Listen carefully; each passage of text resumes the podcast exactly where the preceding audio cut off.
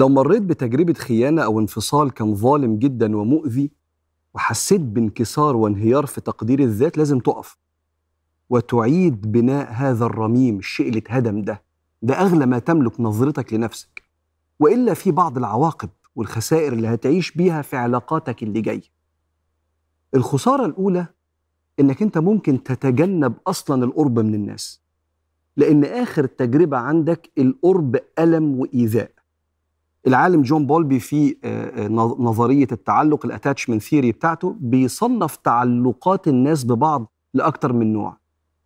منها نوع اسمه التعلق الرافض. أنا مش عايز أقرب من حد. الناس وحشة.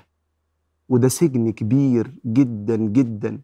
وراه خوف تكرار تجربة الألم رغم أن الخير فيه وفي أمتي إلى يوم القيامة.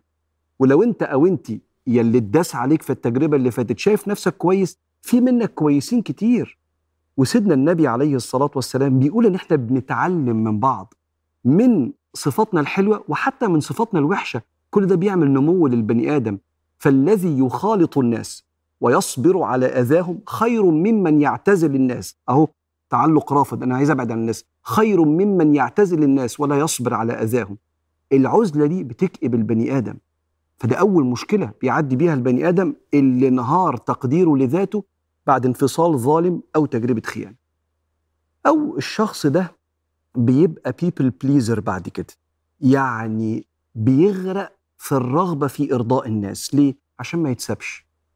الكلام ده بتعمله مع صحباتها أو حتى مع تجربة الجواز الجديد. هو بيعمله مع أصحابه أو مع تجربة الجواز الجديدة إنه بيبقى تابع جدا جدا وبيقبل بإهانات وإساءات كبيرة جدا عشان مش عايز يتألم تاني إنه يتخان أو يداس عليه في تجربة انفصال ظالمة.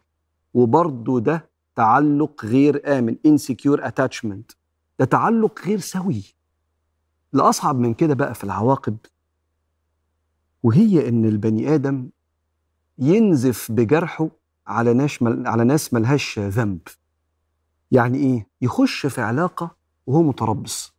هيكمل. ربنا بيقول في القرآن وإن يتفرقا يغني الله كلا من سعته. خلاص حصل الانفصال إما بخيانة أو بطلاق ظالم. وكل واحد سواء كان راجل أو ست كمل في حياته وهيخش في تجربة جديدة. أهو التجربة الجديدة دي لا استنى.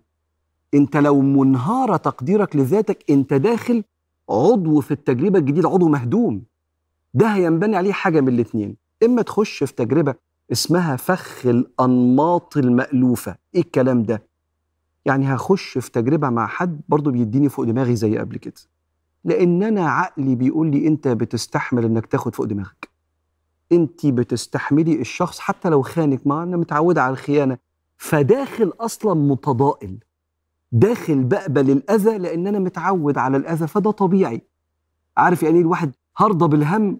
عشان الهم يرضى بيا. الاشكاليه الأكبر هو الدخول في علاقة مع التخوين. آه. الشخص اللي عنده تقدير ذات قليل بسبب الخيانة أو الانفصال الظالم بيخش على العلاقة وهو متوقع من اللي قدامه اللي ممكن يعمل كده وأنا مش عايز أتألم تاني.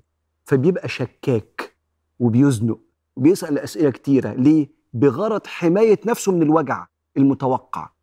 اللي ربنا قال فيه يا أيها الذين آمنوا اجتنبوا كثيرا من الظن إن بعض الظن إثم ولا تجسسوا. شايف الأمراض دي كلها؟ بتبقى في الشخص اللي اتهدم تقديره لذاته وبيبني علاقة جديدة من غير ما يعيد البناء ويرمم تقدير الذات فبيبقى شكاك جدا وغالبا العلاقة دي ما بتكملش فبيتأكد عنده إن هو آه، مش كفاية لحد وإن محدش هيقدره.